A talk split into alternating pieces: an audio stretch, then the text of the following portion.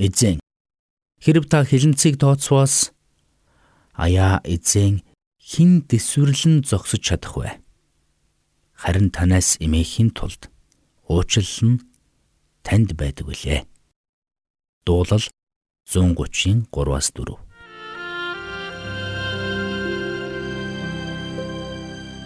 Мэргэний сонсог, мэдлэгийн тэлэг. Ухаалх нь мэрэгэн өдөртөмжийг мөн авах. Доктор Харалт цаалогийн мэрэгэн зөвлөмж нэвтрүүлэг.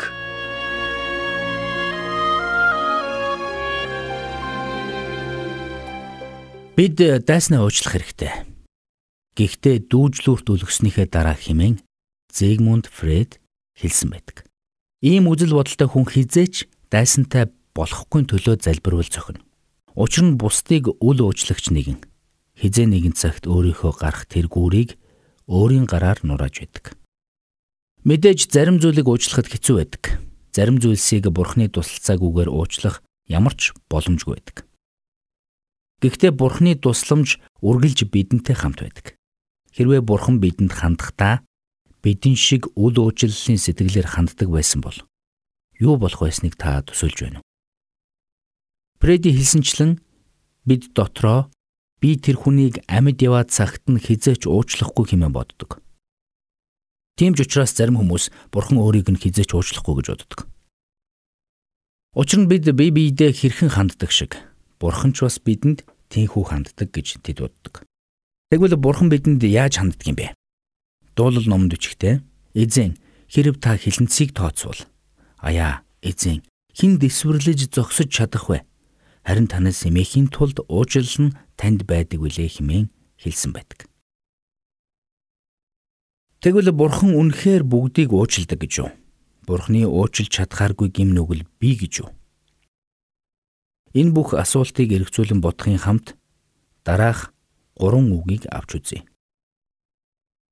Хуучин гэрээнд хүмүүний алдаа дутагдлыг хэд хэдэн янзын үгээр илэрхийлэн хэлсэн байдаг.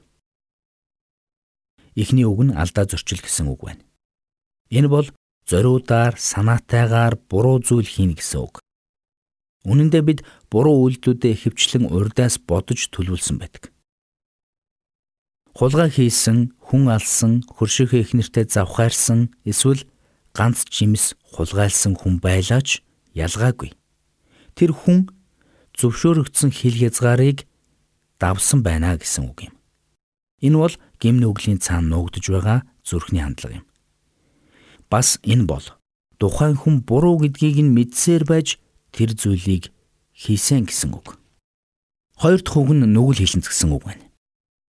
Энэ бол гим нүгэлт үйлдлийг нь илэрхийлж байгаа үг юм. Энэ үгийн утга нь дахисан мөрийсэн үннээс хазайсан гэсэн утгатай юм. Эхний хоёр үгээс ургуулад бид буруу хандлага нь буруу үйлдэлд хүргэдэг гэсэн дүгнэлтэнд хүрч болно. Альва буруутай үйлдэл бүхэн бодол санаанаас ихтэй байдаг бөгөөд бидний буруу бодол санаа үйлдэл болон илэрдэг гэдгийг бид ойлгох хэрэгтэй. Гурав дахь үг нь гим нүгэл гэсэн үг байна. Энэ бол хуучин гэрээнд хамгийн түгээмэл ашиглагдсан үг. Энэ үгийн утга нь байгаа оноогүй зөв замаас хэлбийсэн гэсэн утгатай үг юм. Өөрөөр хэлбэл тухайн хүн зөв замаас хазайж буруу зам руу гарсан гэсэн утгатай юм. Хэдийгээр тэр хүн үүнийг өөрөө анзаараагүй байж болох ч энэ үйлдэлийг нь зөвтгөх ямар ч арга байхгүй. Тэгвэл Давид хаан хэрхэн махан биеийн хүсэлд автан бүдэрч байсныг та санаж байна.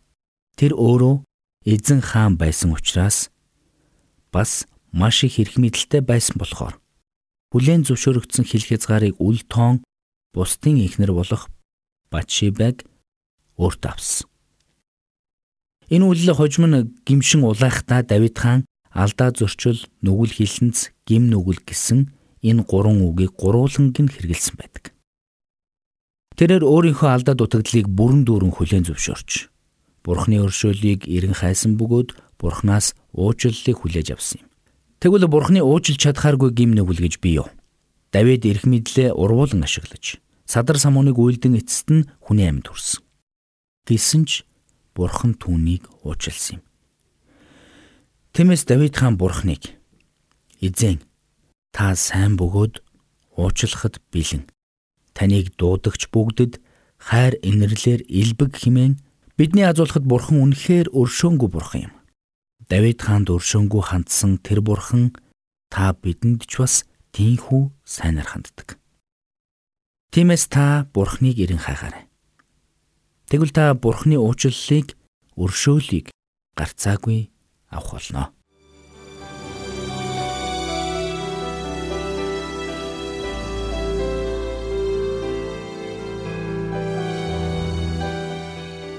Мэргэн нэгнийг дагвал мэргэн, мулгуутай нөхөрлөвл хорлол.